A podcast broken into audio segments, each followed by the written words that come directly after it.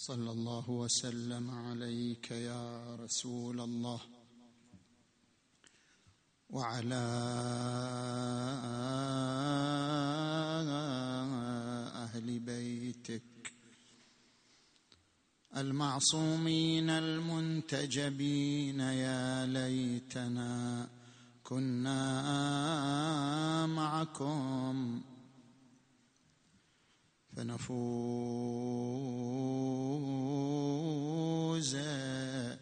فوزا عظيما.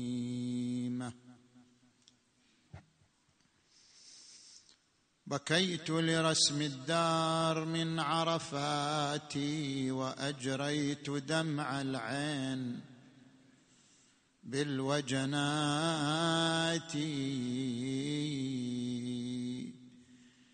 ديار علي والحسين وجعفر وحمزة والسجاد ذي الثفنات. منازل جبريل الأمين يحلها. من الله بالتسليم. والبركات.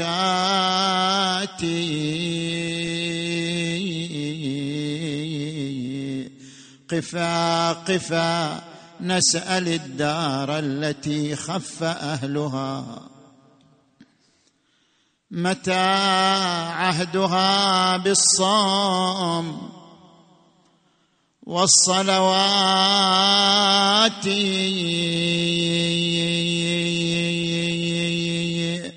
وأين الأولى شطت بهم غربة النوى؟ أفانين في الآفاق مفترقات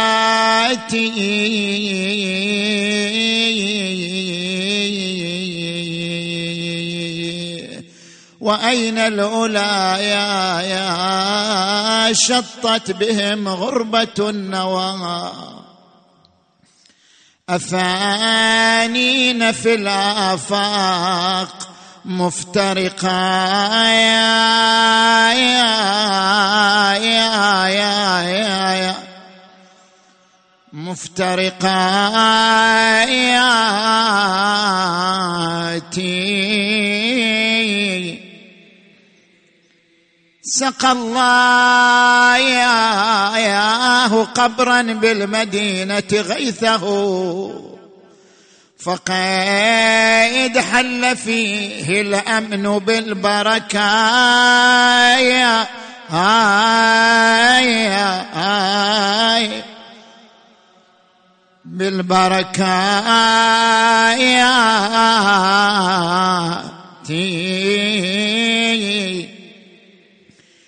قبر من هذا؟ قال أفاطم أفاطم أفاطم.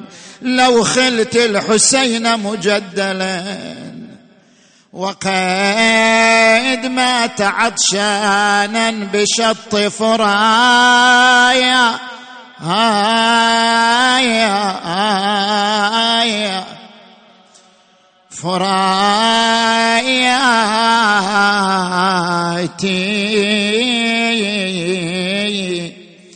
إذا إذا للطمت الخد فاطمة عنده.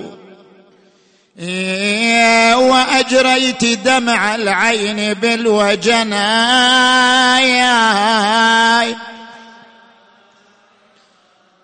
الوجنايات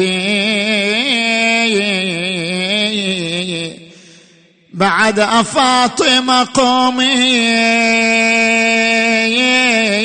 يا ابنة الخير واندبي نجوم سماوات بآية أرض فلايا أفاطمة قومي.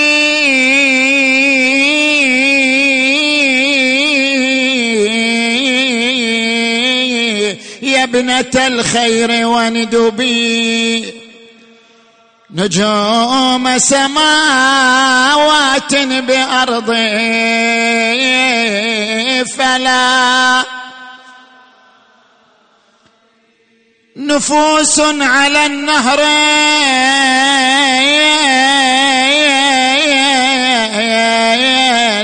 من أرض كربلاء معرسهم فيها بشط فرات ماذا جرى توفوا عطاشا يا يا يا بالفرات فليتني. توفيت فيهم قبل حين وفايا. إي والله نوحي على الأولاد يا زهر الحزينة. في كربلاء واحد واحد بالمدينة تفرقوا عنيك وصار الشمل تبديد. واحد من جعد قضايا واحد من يزي واحد دفن عندك واحد عنك بعيد قبر الحسن عندي شو قبر حسين وينه؟ قالت لا تهيجوني يا خلق نادت يا ويلي والدمع بالخد بادي. لا تهيجوني يا خلا يا يا كلهم أولاد لكن لكن لكن مصاب حسين ساطي في فؤاد. كل المصايب هوناياتها مصيبة حسين. أعوذ بالله من الشيطان الغوي الرجيم.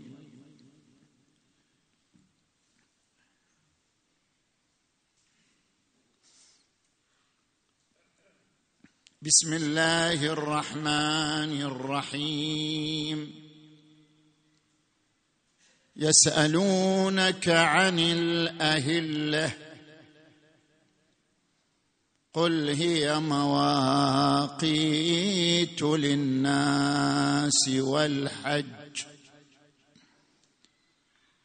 آمنا بالله صدق الله العلي العظيم.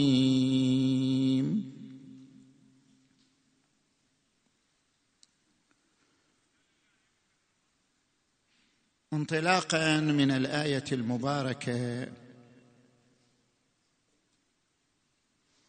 يقع السؤال هل أن هناك تصادما وتعارضا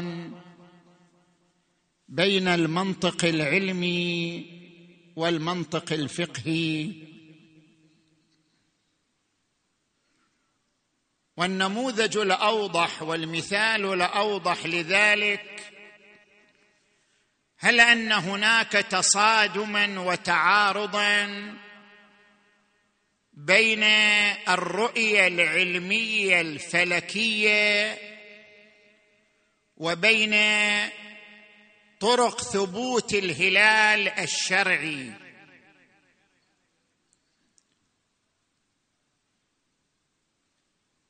ومن أجل الدخول في هذا الموضوع نستعرض محورين.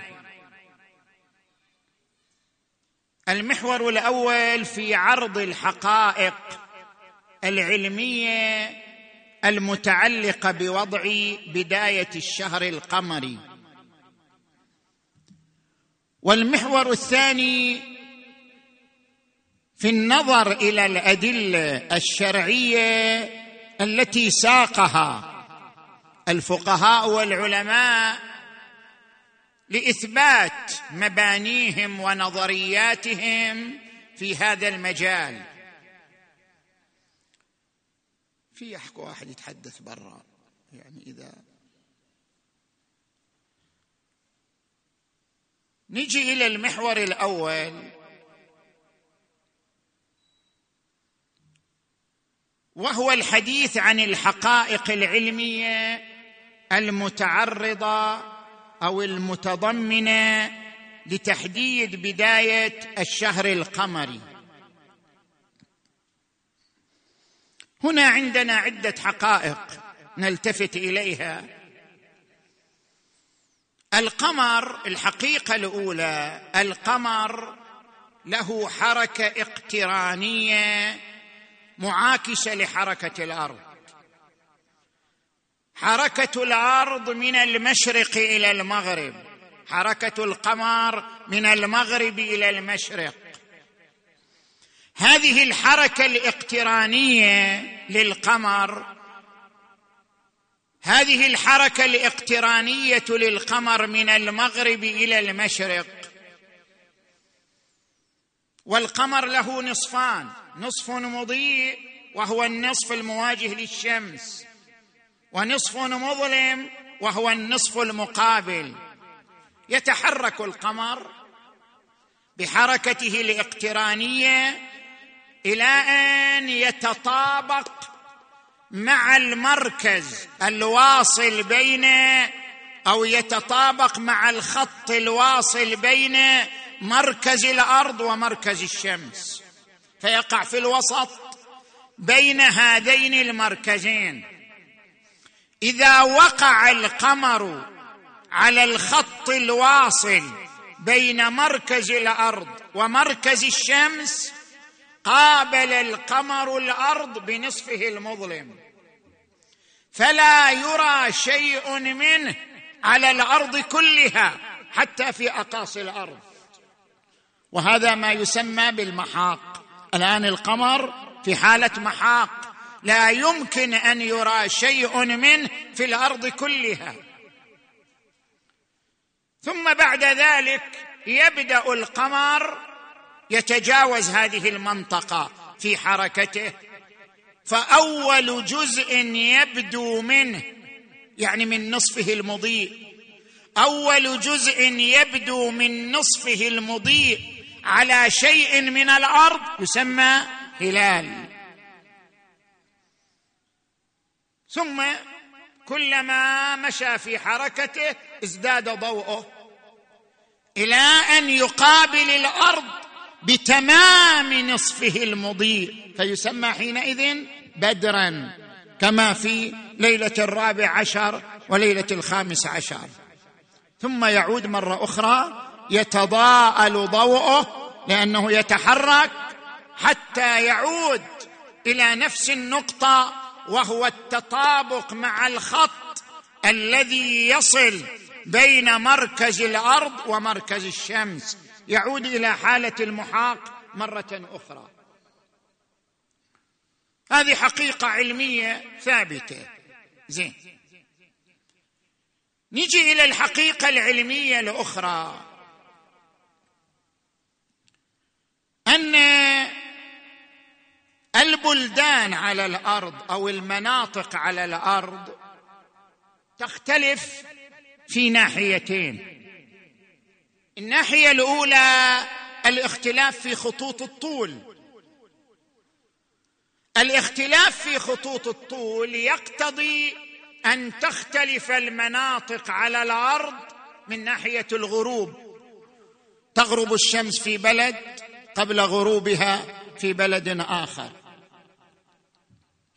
وبالتالي نتيجة اختلاف البلدان لاختلافها في خطوط الطول يختلف غروب الشمس من بلد إلى آخر. زين. ومن جهة أخرى القمر عندما يخرج من المحاق ويسير بالتدريج ضوءه يزداد شيئا فشيئا. هذا ماذا يعني؟ هذا يعني أنه يمكن أن لا يرى القمر في البلد الشرقي أصلا لأنه للتو خرج من المحاق فلا يرى. بينما بعد ساعات من الليل يرى وين؟ في البلد الغربي لأنه مضى على مسيرة القمر ساعات فكبر حجمه وازداد ضوءه وأصبحت رؤيته في البلد الغربي امرا ممكنا امرا ميسورا. بينما لم يكن يمكن أن يرى عند غروب الشمس في البلد الشرقي. يعني من تقارن بين العراق وموريتانيا بين العراق وكينيا مثلا يمكن أن نقول أول ما خرج القمر من تحت المحاق ما يمكن رؤيته في العراق. بعدين لساعات استمر أصبح ممكن الرؤيه ميسور الرؤيه في بلد غربي كموريتانيا أو كينيا أو ما أشبه ذلك. يعني مختلفة عن العراق بحسب خطوط الطول. اذا البلدان مو متحدة في إمكان الرؤية. هذا شيء علمي. الناحية الثانية حتى لو اتحدت المناطق في خطوط الطول خط الطول بين العراق وبين اليمن واحد. تقع تقع مثلا بغداد واليمن على خط طول واحد. هل معنى إذا وقعت على خط طول واحد يعني تكون رؤية الهلال ممكنة في كليهما؟ لأنهما يقع على خط طول واحد غروب الشمس فيهما واحد. اذا يمكن أن يرى الهلال فيهما بشكل ميسور لأنهما على خط واحد. لا. علميا لا.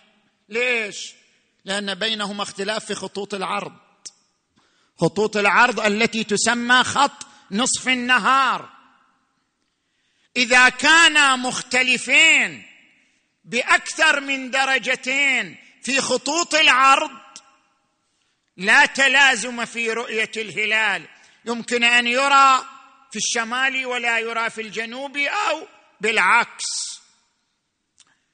لماذا هذا؟ نذكر الآن الحقيقة العلمية الثالثة تنبهوا لها. القرب من خط الاستواء والبعد عن خط الاستواء. القرب من خط الاستواء عامل إيجابي وفي نفس الوقت عامل سلبي. هل أذكر عدة نقاط تتعلق بهذه الجهة.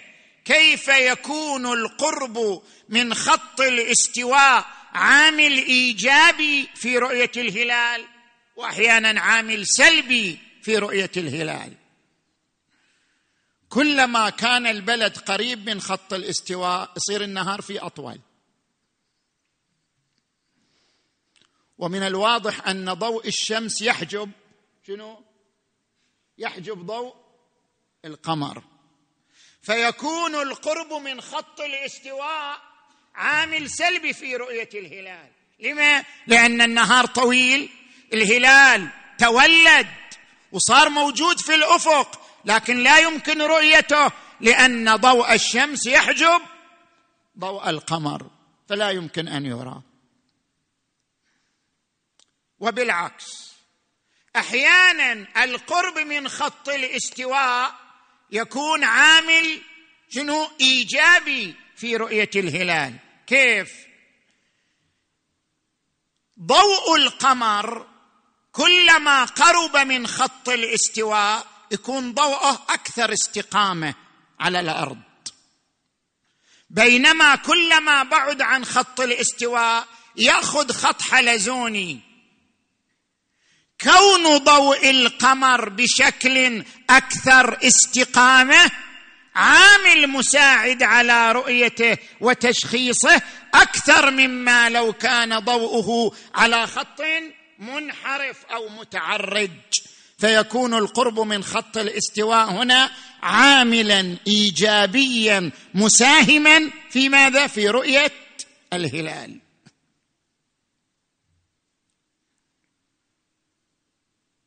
أذكر لك أيضا أمر ثالث متعلق باختلاف خطوط العرض وتأثيرها في إمكانية رؤية الهلال وعدم إمكانيته.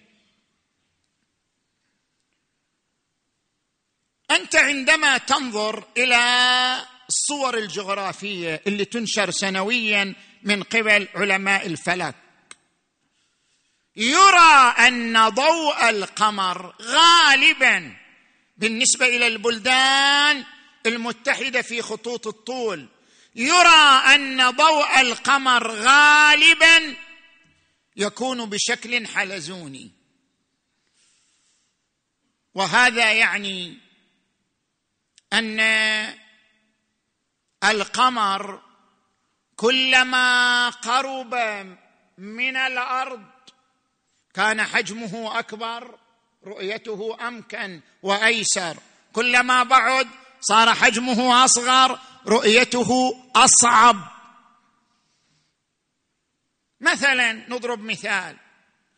قد يرى القمر في وين؟ في استراليا قريب القطب الجنوبي.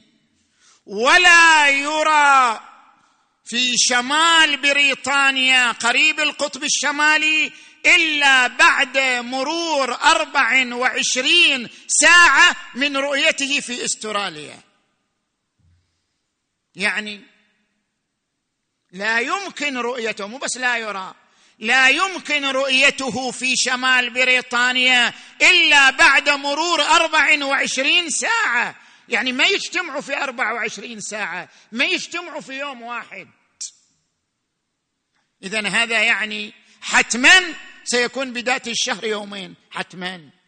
لأنه لا يمكن أن تجتمع إمكانية الرؤيه بين هذين بين هذين الموضعين إلا بعد مرور أربع وعشرين ساعة على رؤيته في الموضع الأول. اذا حتما سيكون يومين. بل بعضهم يذهب إلى ثلاثة بعض الفلكيين إحنا ما ما نريد نفرط في الكلام. يقول يومين قطعا قدر متيقن يومين. نقطة رابعة أيضا من الحقائق العلمية. تدري اختلاف الفصول مؤثر؟ اختلاف الفصول فصل الصيف فصل الشتاء مؤثر. لأن تعرفون النهار في فصل الشتاء شنو؟ قصير فخروج الهلال فوق الأفق وبقاؤه وكبر حجمه يكون أيسر مما إذا كان في فصل الصيف. وعلى هذا اختلاف البلدان بين شتاء وصيف يكون أيضا دخيلا في إمكانية الرؤية أو في تعذر الرؤية أو في تعسر الرؤية. هذه كلها حقائق علمية يفهمها الفقهاء مو بعيدين عن فهمها. ويدركها الفقهاء وليسوا بعيدين عن إدراكها. وإذا تراجع ما كتبه السيد الصدر قدس سره في الفتاوى الواضحة صفحة 624 فما بعدها تجد التفاصيل العلمية المتعلقة ببداية الشهر القمري الشرعي تجد وضوح متطابق مع تقريرات العلمية الفلكية. زين. بعد هذا ندخل إلى ما هو محل الكلام ما هو محل الخلاف بين الفقهاء. ما هو محل الخلاف بين الفقهاء في هذه النقطة؟ ذكرنا أن الشهر القمري يبدأ بخروج القمر من تحت المحاق. فهل الهلال هل الشهر القمري أمر نسبي أو أمر حقيقي؟ هذا هو السؤال. أمر نسبي يعني يختلف باختلاف البلدان. هذا في شهر قمري بدأ وهذا ما بدأ. ام أن الشهر القمري أمر حقيقي لا يختلف ولا يتخلف فهو أمر حقيقي مطلق بحسب كل البلدان. هذا هو موضع السؤال. أمر نسبي أو أمر حقيقي؟ هنا نذكر أقوال أربعة أو آراء أربعة أو نظريات أربع. هي المهمة في هذا المجال وفي هذا البحث. وإن تفكر معي. النظرية الأولى تقول الشهر الطبيعي هو الشهر الشرعي. ما في فرق. يعني متى خرج القمر من تحت المحاق بثانية بدأ الشهر القمري الطبيعي اذا بدأ الشهر القمري الشرعي. ما في فرق بينهما. ولذلك إحنا ما محتاجين لرؤية ولا محتاجين لاستهلال ولا محتاجين لشهود ولا ولا ولا ولا ولا, ولا ما نحتاج لهذا كله. خلاص.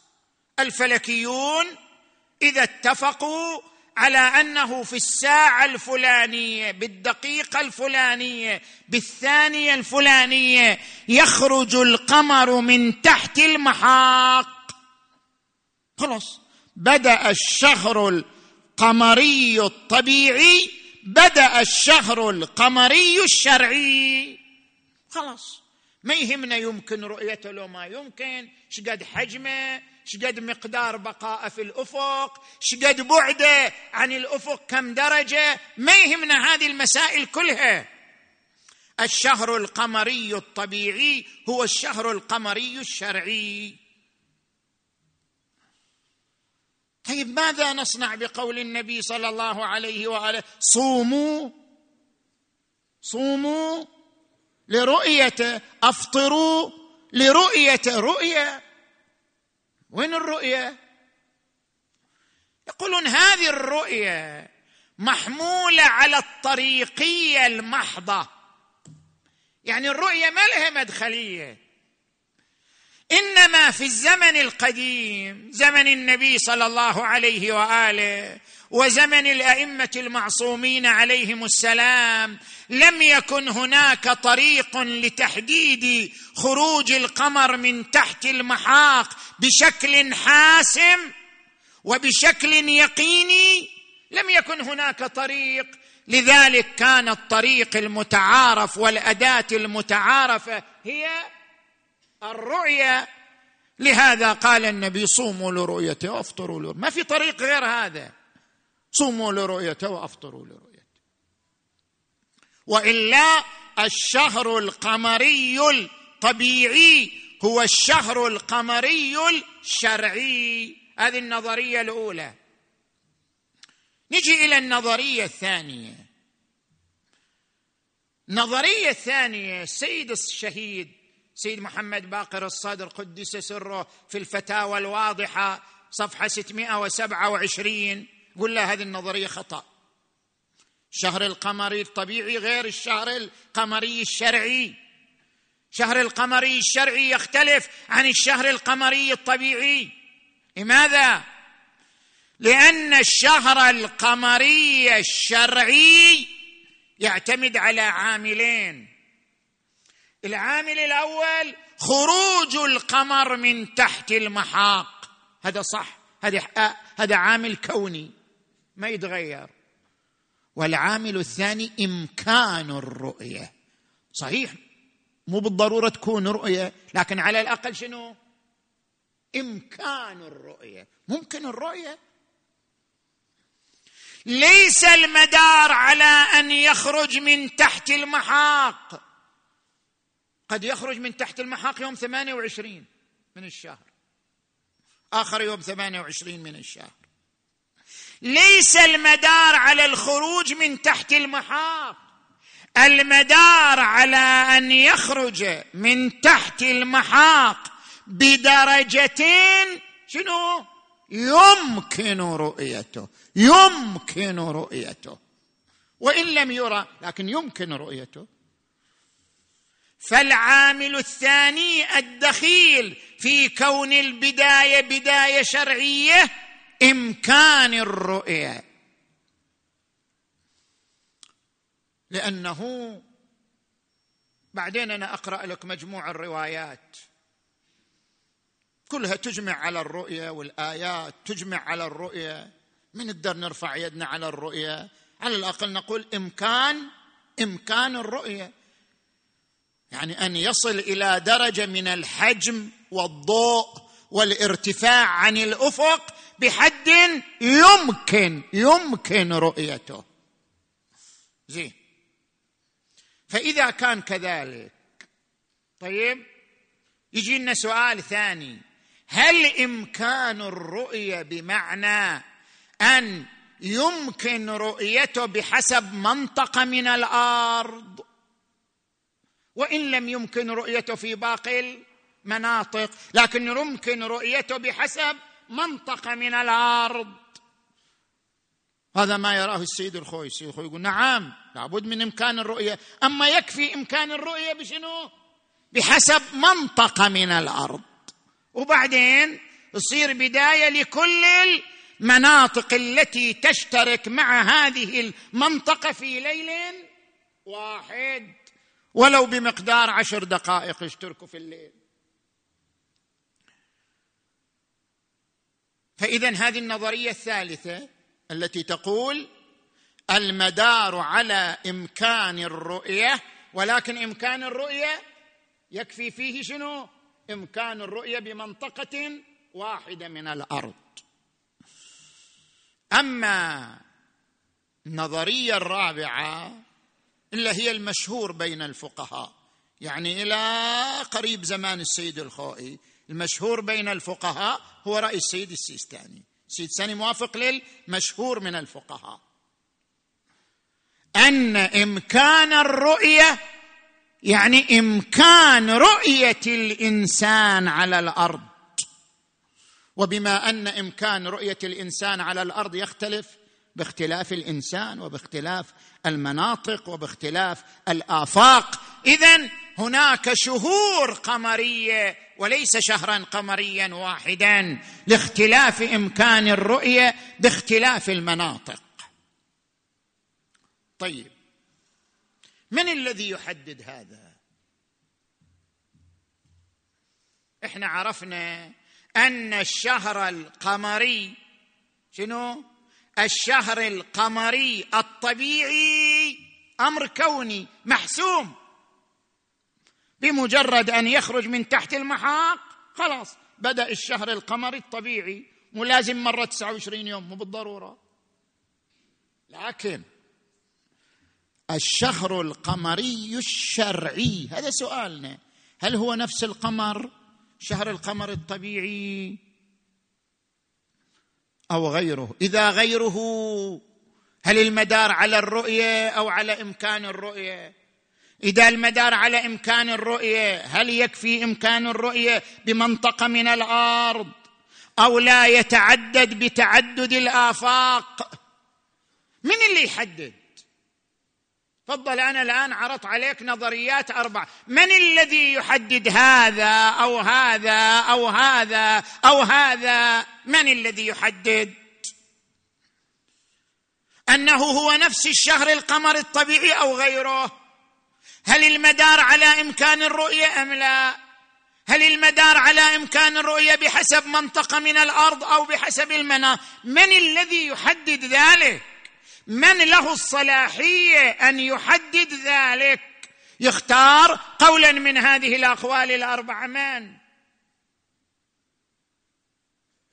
ما لنا شارة إلا الروايات وين نروح ما لنا شارة إلا النصوص وين نروح هذه النصوص أمامنا هذه الروايات أمامنا. ما هو المستفاد من هذه الروايات؟ هل الشهر القمري الطبيعي هو الشرعي أو غيره؟ على إمكان الرؤية بحسب منطقه أو بحسب المناطق؟ مضطرين نرجع. ولذلك يقول السيد شهيد المنهج الصحيح الرجوع إلى الروايات والآيات.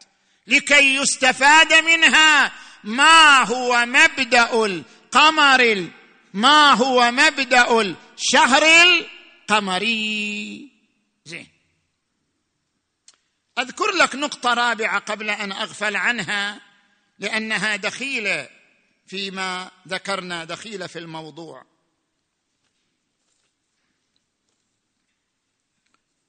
في الزمن القديم طبعا أكو من الفقهاء المرحوم آية الله العظمى السيد محمد سعيد الحكيم قدس سره توفي قبل أشهر. هذا يقول المدار على العالم القديم. خلينا نرجع إلى خارطة العالم القديم. طبعا هذا الكلام موجود عند كثير من علماء إخواننا أهل السنة. هذا الرأي. الرجوع إلى خارطة العالم القديم. ليش؟ لماذا هؤلاء يقولون بذلك؟ إلى منشأ علمي هذا. هذا القول له منشأ علمي. ما هو؟ خل أذكر لك هذه النقطة لأنها دخيلة في فهم في فهم هذا الموضوع. من نرجع إلى خارطة العالم القديم. هو الأرض كروية وتدور لمدة أربع وعشرين ساعة. نصفها المقابل للشمس يسمى نهار. نصفها الآخر يكون ليل. هل لليل نهاية؟ في ليل إلى نهاية على الأرض؟ في نهار إلى نهاية على الأرض؟ أبدا. ما في. ما في ليل إلى نهاية ولا نهار إلى نهاية. لأنها في حركة مستمرة فكل آن هو ليل وكل آن هو نهار. ما في نهاية. في كل وقت في كل ثانية تمر على الأرض هناك ليل هناك هناك نهار. لا النهار إلى نهاية ولا الليل إلى نهاية. ولذلك استدل بعض العلماء بهذه الآية المباركة. إن ربكم الله الذي خلق السماوات والأرض في ستة أيام ثم استوى على العرش يغشي الليل النهار يطلبه حثيثا. ليل يغشاه نهار نهار يغشاه ليل. هذا يطلب هذا هذا يطلب هذا هذا ليس له نهاية هذا ليس له نهاية. يغشي الليل النهار يطلبه حثيثا.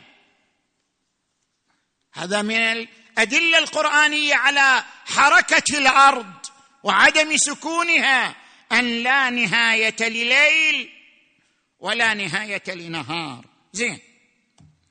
في الزمن السابق كانت اليابسة الأرض اللي يعيش عليها الناس محصورة في الأراضي الممتدة من جزر الكناري الواقعة في المحيط الأطلسي القريب من المغرب إلى أقصى بلاد الصين واليابان. هذا كان سموه العالم القديم.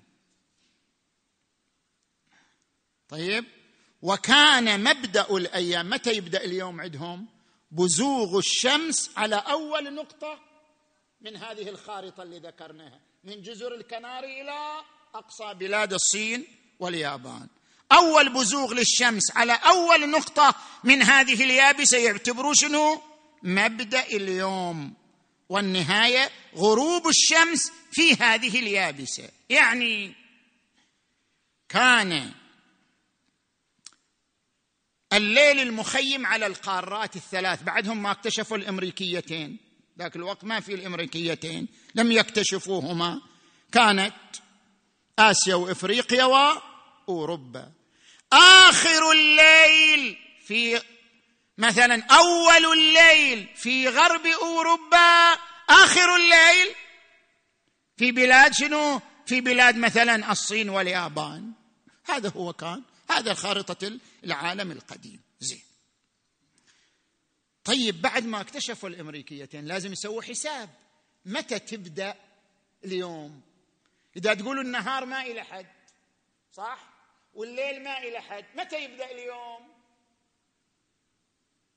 لا النهار له حد لا الليل له حد. متى يبدأ اليوم؟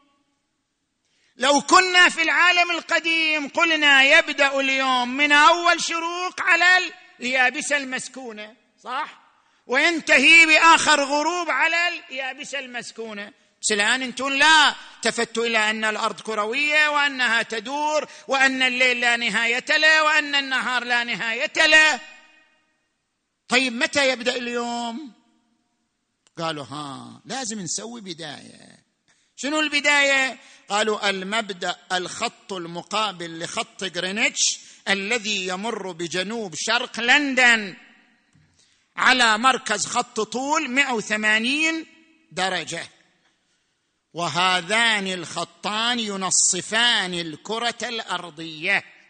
فاتفقوا على أن شرق هذا الخط متقدم غرب هذا الخط شنو؟ متأخر. اتفاق. ترى هذا مو أمر تكويني مو الله خلاه هالشكل لكن اتفاق عقلائي يعني البشرية على الأرض حتى تعيش وتوقت أيامها وتعتبر البداية والنهاية اضطرت إلى أن تجعل هذا الخط الوهمي وتعتبر ما قبل غير شنو؟ غير ما بعد. لذلك بناء على هذا الخط فرقوا بين جزيرتين تقعان في المحيط الهادي قرب ساحل سيبيريا تسمى هاتين الجزيرتين ديوميد لمرور الخط الفاصل بينهما. فاعتبروا غرب الخط مثلا الأحد وشرقه السبت مع أنهما جزيرتان. شنو؟ متقابلتان. لكن لأن الخط يمر من بينهما فرقوا بينهما بيومين. هذا سبت وهذا أحد. شلون سبت واحد هم نهارهم واحد وليلهم واحد وجزيرتين متقاربين؟ إيش نسوي. لازم نخلي مبدأ لليوم. لذلك اعتبروا سلام عليكم. هم متقاربين. سلام عليكم. اليوم عندكم شنو الاحد شلون؟ وأنتم شلون اليوم عندكم؟ اليوم عندنا السبت. شلون؟ مو إحنا في نهار واحد وليل واحد ومتقاربين. قالوا بعد ما لنا شاره لابد أن نجعل بداية لليوم على وجه الأرض. وهذه البداية لابد أن تتم بذلك. زين. بناء على هذا ليش تعتبروا أن ليل الأمريكيتين متأخر عن ليلنا؟ من اللي قال لكم؟ الله قال. رسول الله قال شلون تعتبروا ليل الأمريكيتين امتداد لليلنا؟ إحنا الآن عندنا الليلة شنو؟ ليلة الأربعاء. زين خلص الليل عندنا يبدأ الليل في الأمريكيتين. العقلاء يقولوا الليل الموجود في الأمريكيتين ليل أربعاء يعني امتداد لليل عندنا. من يقول بذلك؟ من وين هذا؟ شنو الحقيقة العلمية اللي تثبته؟ لعله هذا الليل هو شنو؟ ليلة الخميس. شنو اللي يعين أن هذا الليل ليلة الأربعاء؟ هكذا اتفقنا. خلاص. إحنا اتفقنا كبشريه نعيش على الأرض اتفقنا على هذا. أن ليل الأمريكيتين امتداد لليلنا. يعني هم بعدنا بس ما في حقيقة كونية علمية تثبت ذلك. طيب بعد أن شرحنا أطلت عليكم في بيان هذا المحور الآن فقط أشير إلى روايات بشكل سريع ومختصر وبعدين أنتم اطرحوا الأسئلة. عندنا آيتان وعندنا روايات. الآية الأولى الآية التي افتتحنا بها ويسألونك عن الأهلة. قل هي مواقيت للناس والحج. كيف يصير الهلال ميقات؟ ميقات يعني يحدد الوقت بداية السنة القمرية بداية الشهر القمري بداية اليوم القمري. كيف يكون الهلال ميقات؟ سيد الخوئي قدس سره يقول يصير الهلال ميقات إذا الأفق شنو؟ واحد. إذا البلدان المشتركة في ليل واحد لهما شهر شنو؟ واحد بصير ميقات. لأن الهلال سيكون بداية شهر لجميع البلدان المشتركة في ليل واحد فسيكون ميقات. سيدي السيستاني يقول لأنه يرى اختلاف الآفاق. يقول طيب لو عدنا للزمن القديم. يعني هذه الآية بس تنطبق على زماننا؟ لو تنطبق حتى على الزمان القديم. طبعا تنطبق على الزمان القديم. لأن العرب أصلا كان تأريخهم على الشهر القمري لا على الشهر الشمسي ولا على الشهر الميلادي. عرب في القديم كانوا على الشهر القمري. طيب إذا كانوا على الشهر القمري كيف يضبطون أن يكون الهلال ميقاتا والحال بأنهم لا يميزون أن كل هذه البلدان تشترك في ليل واحد. خل أضرب لك مثال. يعني في الزمن القديم لو نرجع مثلا. في الزمن القديم بنى البلد الشرقي خلينا نقول البلد الشرقي مثلا طهران. بنى أهل طهران على أن الليلة ثلاثين من شعبان والليله الثانية هي أول شهر رمضان لأنهم لم يروا الهلال إلا في الليلة الثانية. زين؟ بينما البلد الغربي منهم لنفترض مثلا بلاد المغرب العربي رأوا الهلال شنو؟ في الليلة السابقة. يعني بدأ الشهر عندهم من البارحة. وذولا كانوا يظنوا لم يبدأ الشهر عندهم إلا هذه الليلة. اذا ما صار ميقات. بالنسبة للزمن القديم لو بنينا على وحدة الأفق لاختل الميقات. لأنه لم يمكن توحيد الناس في الزمن القديم تحت ليل واحد لانعدام وسائل التواصل. فما كان بإمكانهم أن يتحدوا في تاريخ واحد. فلو كان المدار على وحدة الأفق لزم اختلاف التاريخ واختلال الأنظمة بخلاف ما لو بني على اختلاف الأفق. لكل أفق ميقات. زين. وهكذا قوله تعالى وجعل الشمس ضياء والقمر نورا وقدره منازل لتعلموا عدد السنين شنو؟ والحساب. طيب.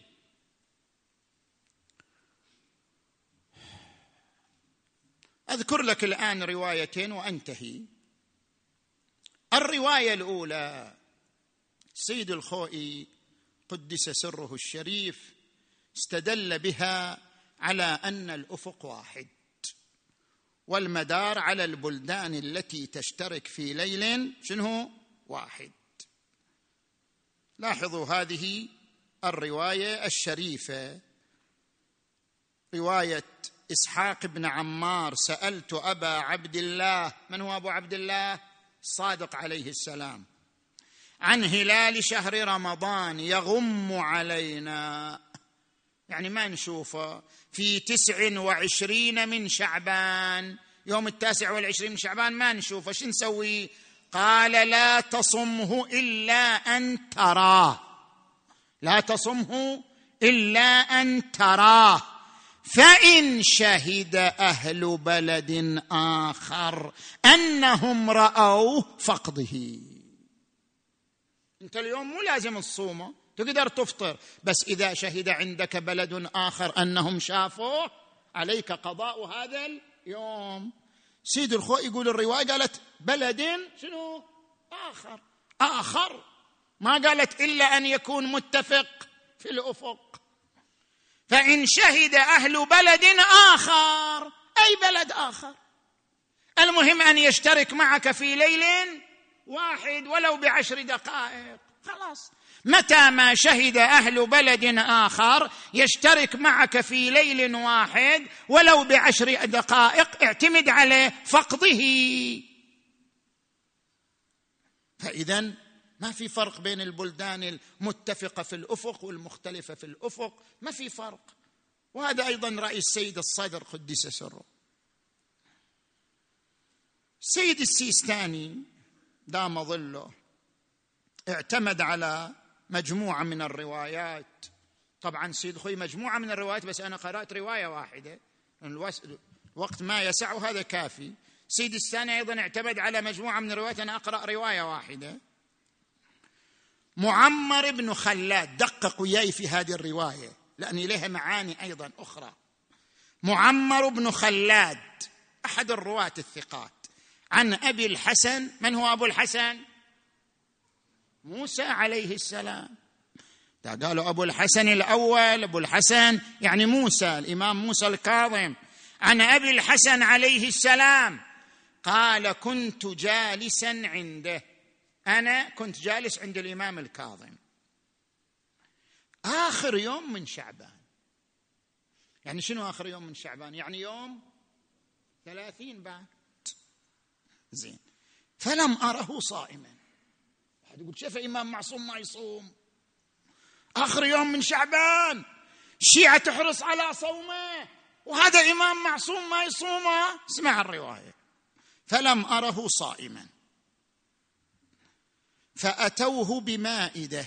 جابوا له مائدة. فقال ادنو تفضل كل. يقول لي تفضل. وكان ذلك بعد العصر. قلت له جعلت فداك صمت اليوم. أنا اليوم صايم. يوم ثلاثين من شعبان. أنا اليوم صايم. فقال لي ولم ليش صمت؟ قلت جاء عن أبي عبد الله يعني أبوك. يعني أنا أروي لك حديث عن أبوك الصادق. جاء عن أبي عبد الله عليه السلام في اليوم الذي يشك فيه يعني يوم الشك اللي ما ندري هو آخر شعبان أو أول رمضان في اليوم الذي يشك فيه قال يوم وفق له يعني من صام يوم الشك ثم تبين أنه من رمضان فقد وفق له. زين. فأنا أريد الله يوفقني. ليش أصوم يوم؟ ليش أفطر يوم الشك وبعدين يتبين من رمضان؟ في اليوم الذي يشك فيه أنه يوم وفق له. قال الإمام رد عليه الإمام الكاظم أليس تروون أو تدرون؟ أليس تدرون إنما ذلك إذا كان لا يعلم؟ يعني هذا حديث والدي ناظر إلى يوم الشك. يعني اليوم الذي لا يعلم من شعبان أو من رمضان. إذا كان لا يعلم أهو من شعبان أم من شهر رمضان فصامه الرجل وكان من شهر رمضان كان يوما وفق له. فأما وليس علة ولا شبهه فلا. يعني إذا ما في أي علة في السماء ولا يوجد أي شبهة في السماء فهو ليس يوم ليس يوم شك يعني اليوم ثلاثين من شعبان مو يوم شك فلا يشمله حديث والدي. حديث والدي ناظر ليوم الشك يعني أن تحدث علة شبهة. هذا يصير يوم شك. أما لا علة ولا شبهة والسماء صافية وماكو رؤية ابدا هذا خلاص هذا ثلاثين من شعبان. هذا مو يوم شك حتى يشمله حديث والدي. أما وليس علة ولا شبهة فلا. ثم قال وكذلك في النوافل ليس لي كذا إلى آخر ما ذكر الرواية. زين. سيدي الثاني يقول زين الآن. هذا الحكي في وين؟ في المدينة صح؟ إذا في المدينة يوم ثلاثين من شعبان السماء صافية. صح؟ وبنى الإمام وأهل المدينة على أنه يوم ثلاثين. لو كانت البلدان المشتركة في ليل واحد شهرها واحد سيكون يوم شك لا محاله. لأنه سيحتمل رؤيته في مكان شنو؟ في مكان آخر حتما.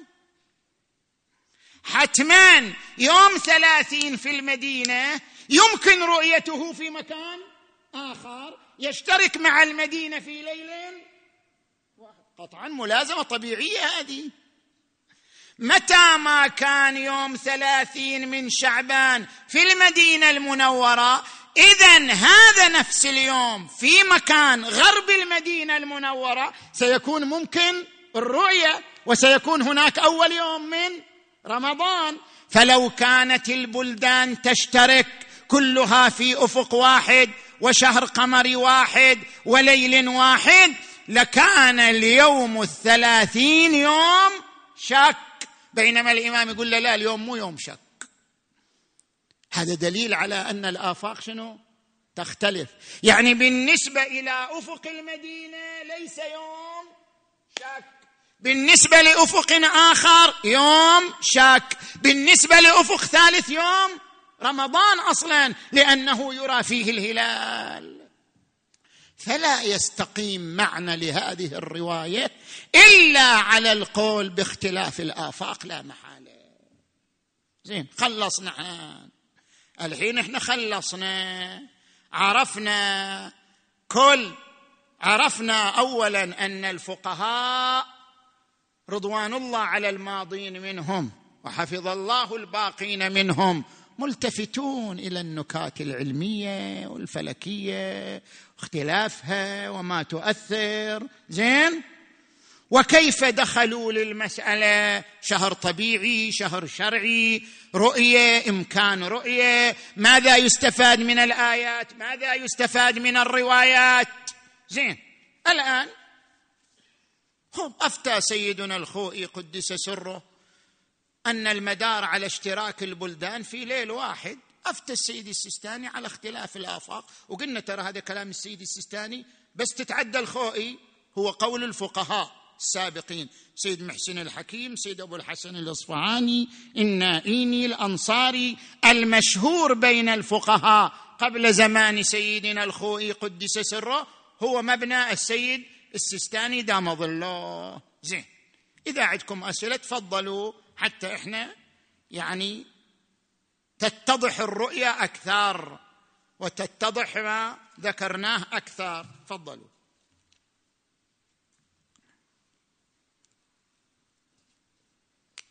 بسم الله الرحمن الرحيم. شكرا سيدنا.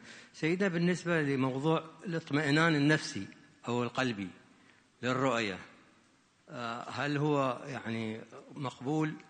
آه، أم هم إلزامي للعودة للعودة للمرجع يعني؟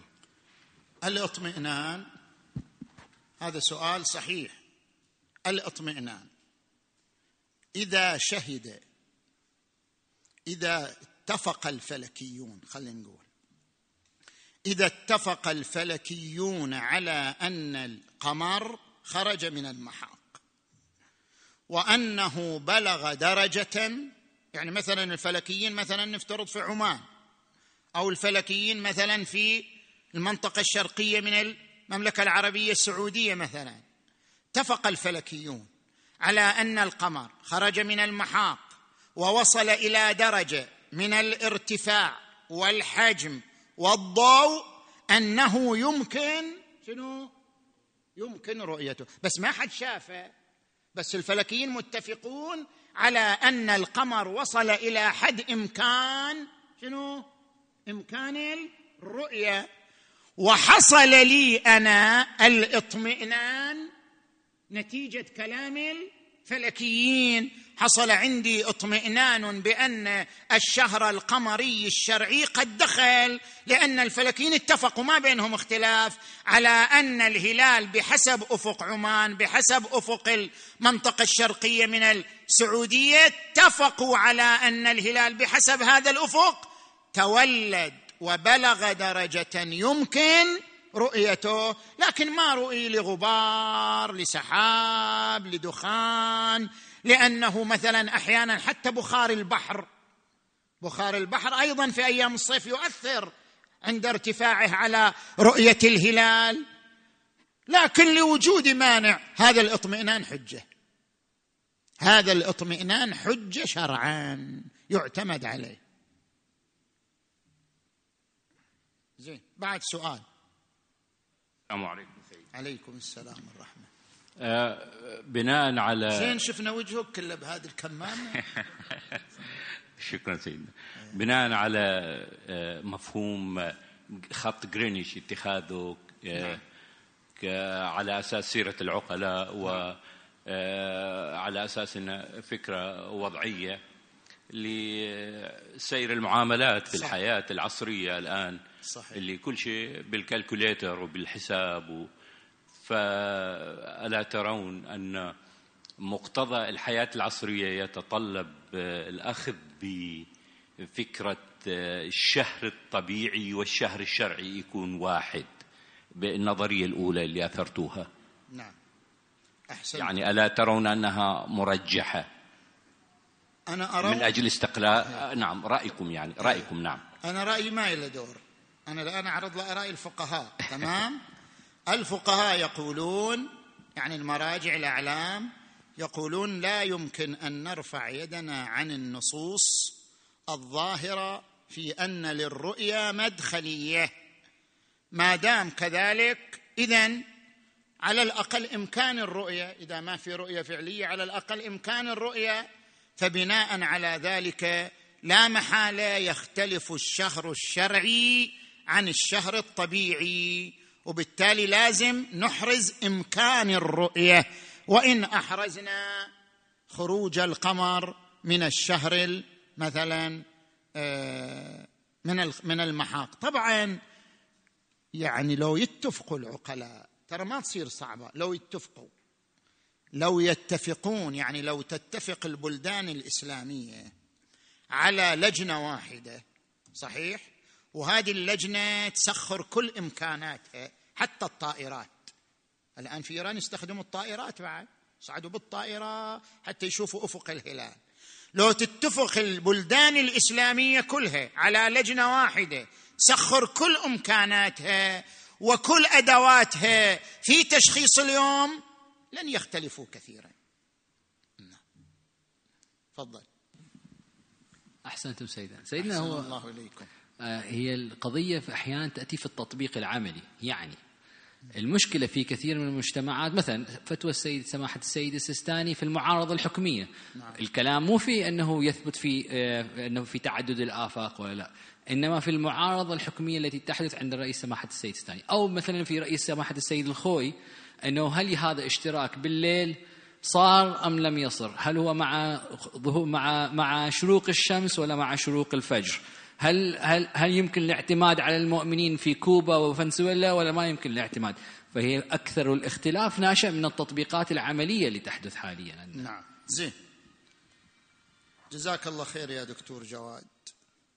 أنا الآن بذكر لك رواية. شوف أنت وش رأيك فيها؟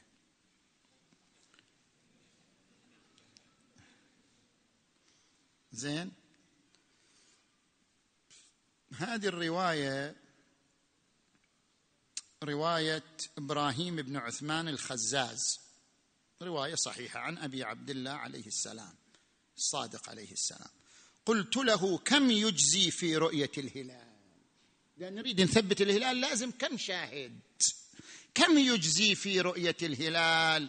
فقال إن شهر رمضان فريضة من فرائض الله فلا تؤدوا بالتظني. وليس رؤية الهلال أن يقوم عدة فيقول واحد قد رأيته ويقول الآخرون لم نره. إذا رآه واحد رآه مئة وإذا رآه مئة رآه ألف ولا يجزي في رؤية الهلال. إذا لم يكن في السماء علة أقل من شهادة خمسين. سيدي السيستاني باني على هذه الرواية. يقول لو خرجت مجموعة تستهل عشرة منهم قال آه هذا هو الهلال. وعشرين منهم وياهم. ونظرهم ما يقل عن ال... يعني لا يقلون عن العشرة الأولى لا نظرا ولا خبرة. قالوا وين؟ ما شايفين إحنا هلال. يكون هذا المريخ ولا زهرة. لا هذا الهلال. يقول السيد هذا يوجب تعارض حكمي بين من قال رأيته ومن قال لم أره مع أنه معه في موقع واحد وقوة البصر واحدة والخبرة واحدة. هذا يوجب تعارض حكمي. اذا الرواية ما نقدر نطبقها ولا يجزي في الهلال أقل من شهادة خمسين. هذه مسألة التعارض الحكمي. فإذا التعارض الحكمي شنو؟ تكون المنطقة واحدة. وكونهم متقاربين في قوة البصر وكونهم متقاربين في الخبرة فإذا اختلفوا في التشخيص وعدمه تجي هذه مسألة التعارض الحكمي. أما مسألة السيد الخوي. دكتور جواد قال السيد الخوي يقول إذا رؤي الهلال في بلد ثبت في جميع البلدان التي تشترك في ليل واحد متى ينتهي الليل؟ هل ينتهي الليل بطلوع الفجر أم بطلوع الشمس؟ يعني لو رؤي في أمريكا في منطقة وإحنا عندنا شنو؟ إحنا عندنا الليل راح طلع الفجر يثبت عندنا. هم رؤي عندهم لأنه ليل. نحن عندنا الآن طلع الفجر. هل يثبت عندنا على رأي السيد الخوئي؟ المعروف بين تلامذة السيد الخوئي لأن ما في تصريح واضح للسيد الخوئي. المعروف بين تلامذته أنه يثبت لأنه الشمس لم تطلع. أن آخر الليل عنده طلوع الشمس وليس طلوع الفجر. إلا أن الشيخ الفياض حفظه الله وهو من تلامذة السيد الخوئي يقول لا رأي السيد الأستاذ أن آخر الليل طلوع الفجر وليس طلوع الشمس. فهذه هم مختلفين في رأي السيد الخوئي. فالمقلد السيد الخوئي يحتاط يعني يعتبر آخر الليل هو طلوع الفجر احتياطا. تفضل. تفضل تكلم.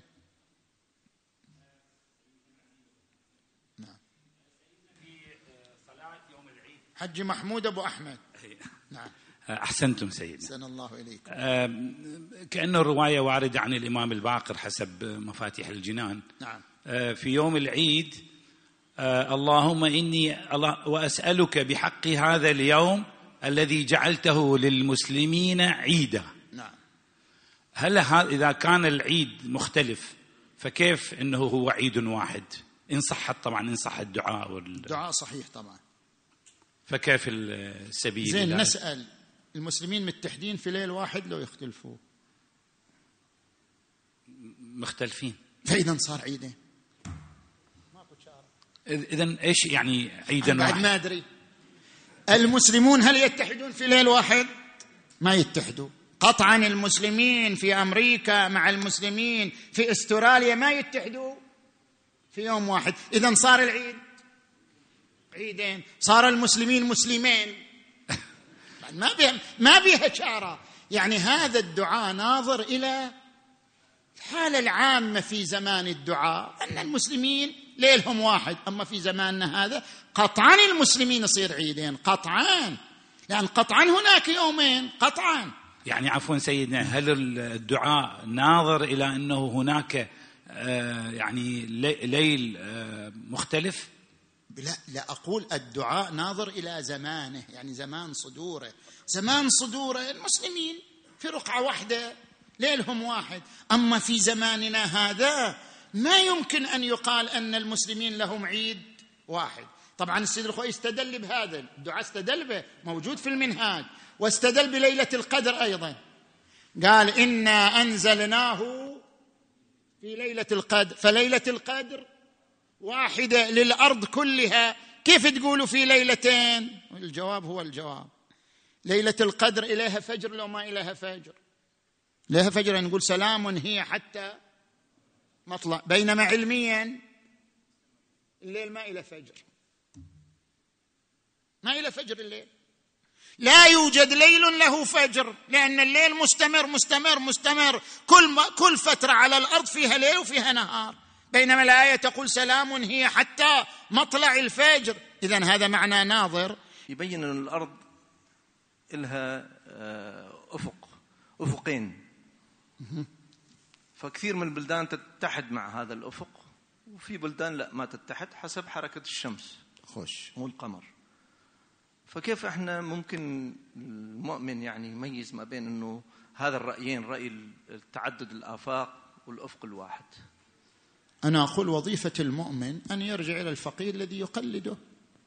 المؤمن نفسه ما يقدر يحسم المسألة ما يقدر يفصل فيها. إحنا الآن ذكرنا اختلاف وجهات النظر وحقائق علمية مختلفة ما يمكن الحسم فيها إلا بتحقيق ما هو المستفاد من الآيات والروايات الشريفة. يعني لابد أن يرجوع إلى أهل الاختصاص. نعم تفضل عزيزي. سيدنا آه، سؤالين من جهة الأخوات. السؤال الأول منشأ الاختلاف عند الفقهاء. سؤالان سؤالان. البعض آه، يعتمد آه، على الرؤية بالعين المسلحة وال وال وبعض الفقهاء يعتمدون على الرؤية بالعين المجردة؟ فأين منشأ الاختلاف؟ السؤال الثاني ذكرتم في إحدى الروايات التي اعتمدها السيد الخوئي رضوان الله تعالى عليه في إثبات وحدة الأفق. كيف يفسر السيد السستاني هذه الرواية؟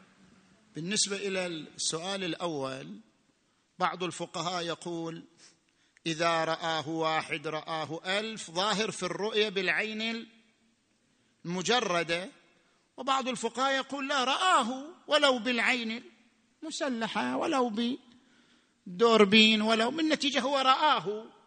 فاذا هذا اختلاف في صدق الرؤية عرفا يعني بحسب العرف العربي هل يقال رآه إذا رآه بالدوربين؟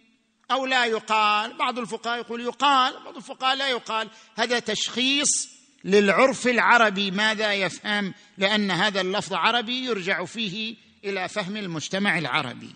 أما بالنسبة إلى ما استدل به السيد الخوئي قدس سره من موثقة إسحاق بن عمار إذا شهد أهل بلد آخر أنهم رأوه فقده. يقول سيد الثاني إذا شهد أهل بلد آخر أنهم رأوه فقده.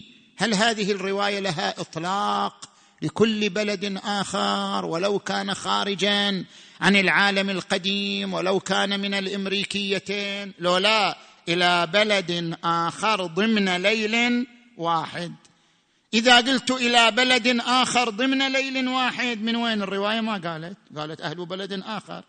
فإذا بتبنوا على إطلاق الرواية لازم تقولوا الشهر القمري للأرض كلها. يعني لو أردنا أن نأخذ بإطلاق الرواية فلا بد أن نقول أن الشهر القمري واحد للأرض كلها وهذا لا يقول به أحد. فمتى ما تنازلتم عن الإطلاق فحينئذ لم يمكن العمل بهذه الرواية الشريفة. بعد السلام عليكم سيدنا. السلام والرحمة والإكرام. تفضل عزيز. سيدنا بالنسبة لمبنى السيد السستاني نعم. هو يرى آه، ضرورة الرؤية بالعين المجردة. صح. فإذا نحن في بلد أو أو أو.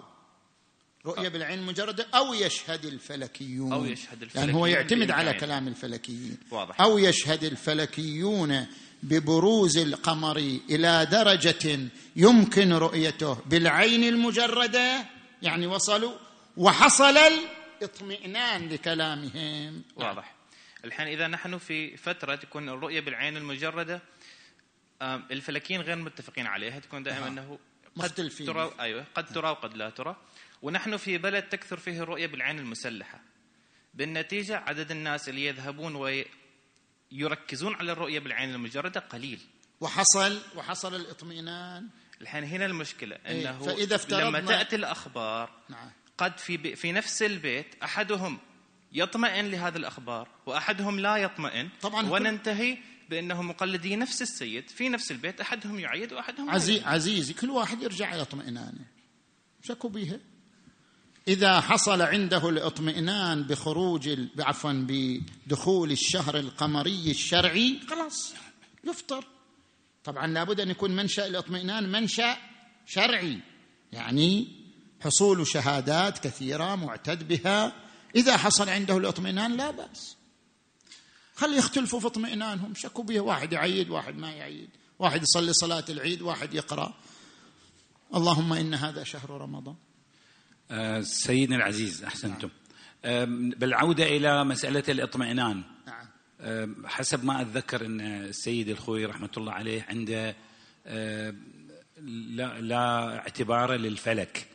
الأخ طاهر ساجواني سألكم في بداية الأسئلة إنه إذا صار اطمئنان للفلك وتفضلتوا إنه على رأي سيد السيستاني كنت أقول وما هو على رئيس الخوي ما أدري على رأي السيد الخوي نعم.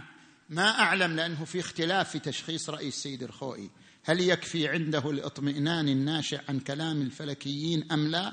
في اختلاف في ذلك إذا تراجعوا صراط النجاة مو واضح كلامه لأجل الاختلاف فيه فما أستطيع أن أقول رأي السيد الخوئي كذا. ولكن ولكن ولكن هذا شيء مهم. من يقلد السيد الخوئي في أي مسألة لم يتضح فيها رأي السيد الخوئي نتيجة الاختلاف فيها يمكن الرجوع في هذه المسألة إلى السيد السيستاني. أحسنتم. سن الله إليكم. انتهى؟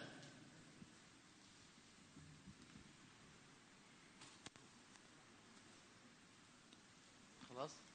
تمام شو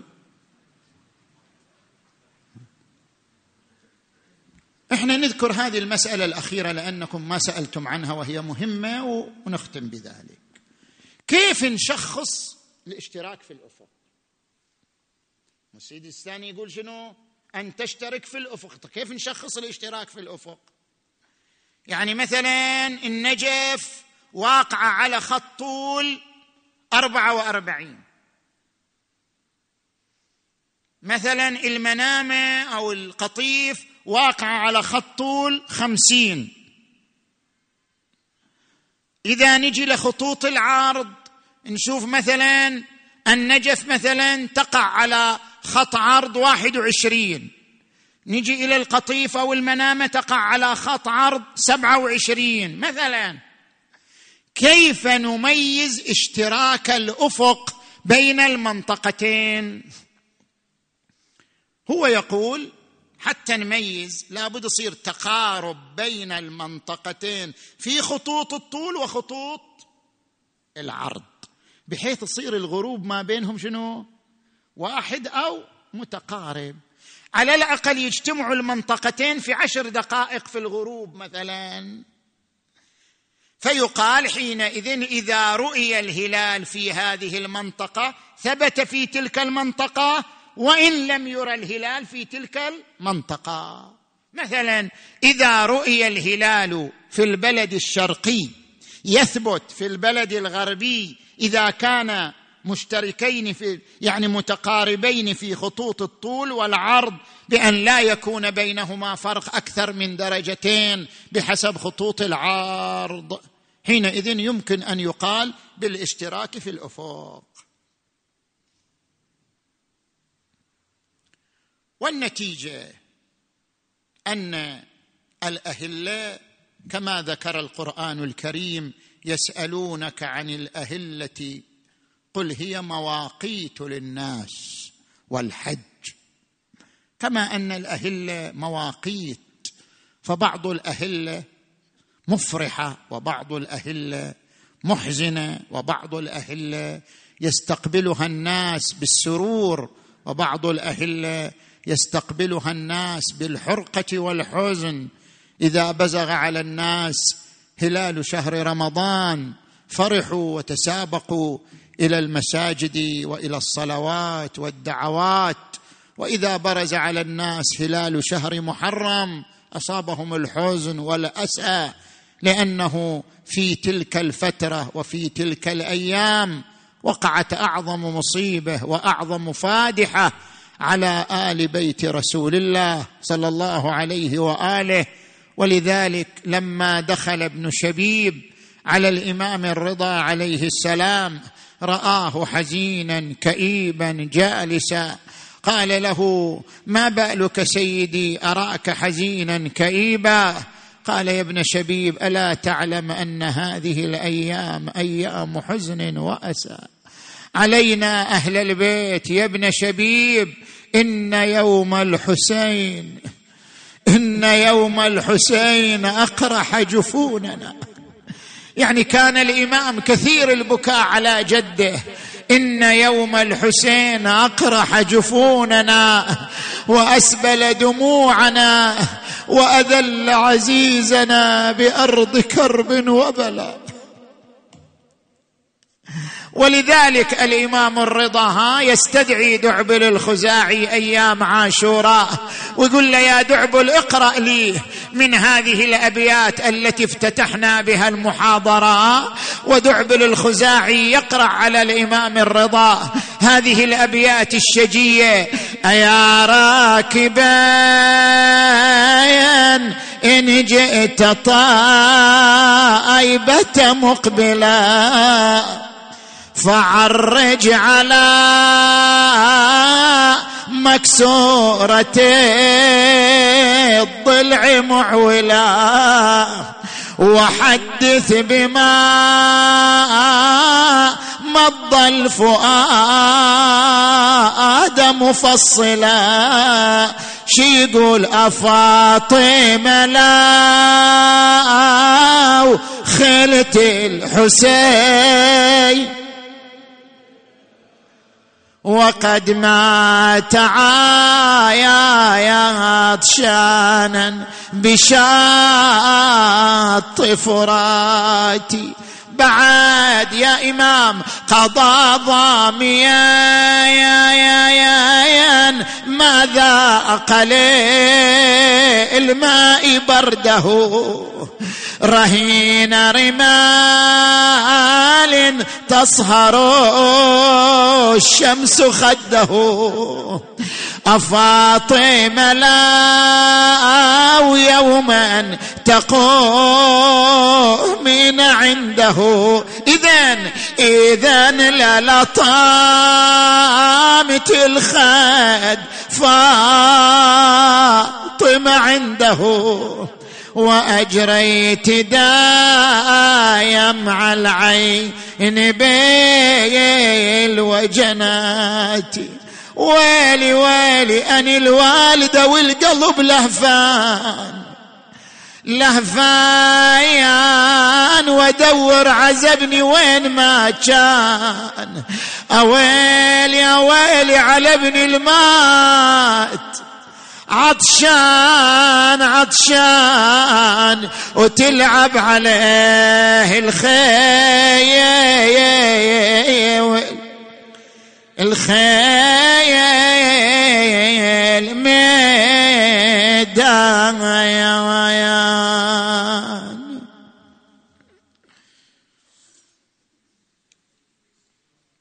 اللهم صل على محمد وآل محمد. اللهم بالحسين الوجيه وجده وأبيه وأمه وأخيه والتسعة من بنيه. اللهم اشف مرضانا ومرضى المؤمنين والمؤمنات. واقض حوائجنا وحوائجهم. اللهم اغفر ذنوبنا واستر عيوبنا وكفر عنا سيئاتنا وتوفنا مع الأبرار.